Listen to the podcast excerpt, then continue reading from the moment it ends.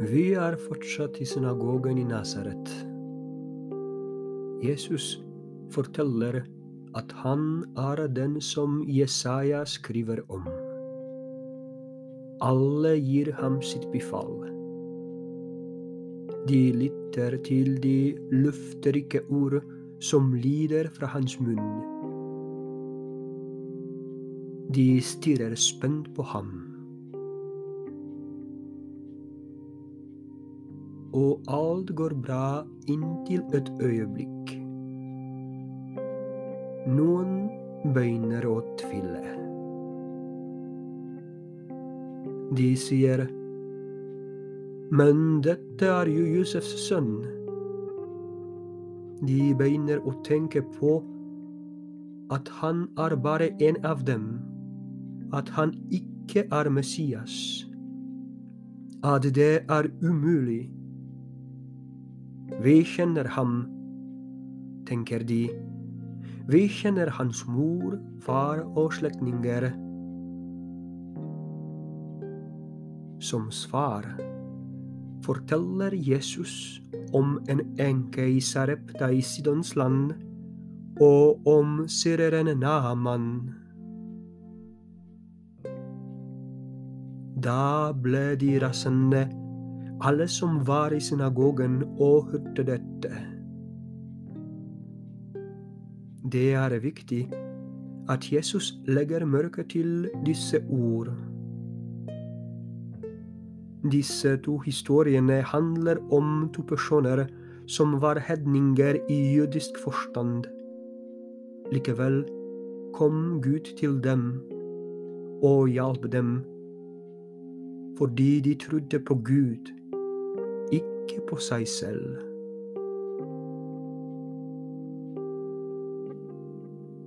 Det betyr at mennesker er det viktigste for Jesus. Han viser meg at han kommer for å hjelpe. Han kommer med helbredelse, med frelse. Men når begynner problemer? Når jeg begynner å tvile?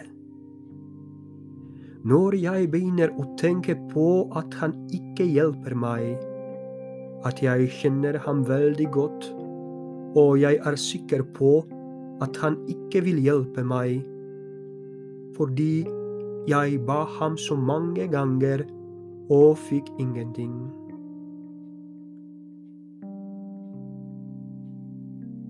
Men Jesus sier, vent litt. Stol på meg en gang til. Ikke tenk på den menneskelige måten som de i synagogen.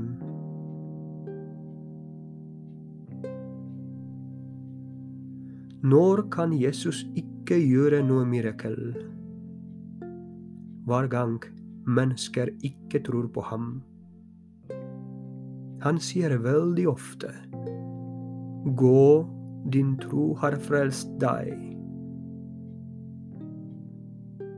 Det er ikke så enkelt, spesielt da jeg ba om noe mange ganger, men ikke har fått. Så ofte sier jeg til Jesus, jeg har åpnet så mange dører for deg, men jeg har ikke funnet deg bak noen av dem. Kanskje Jesus sier i dag, prøv en gang til. Vis meg at du tror på meg mer enn på deg selv. Tro mer på meg enn på dine forestillinger om meg. Gi meg alle dine bekymringer, alle vonde tanker, alle sår. Ikke si du er jo Josefs sønn, men du er Guds sønn, allmektig. Ingenting er umulig for deg.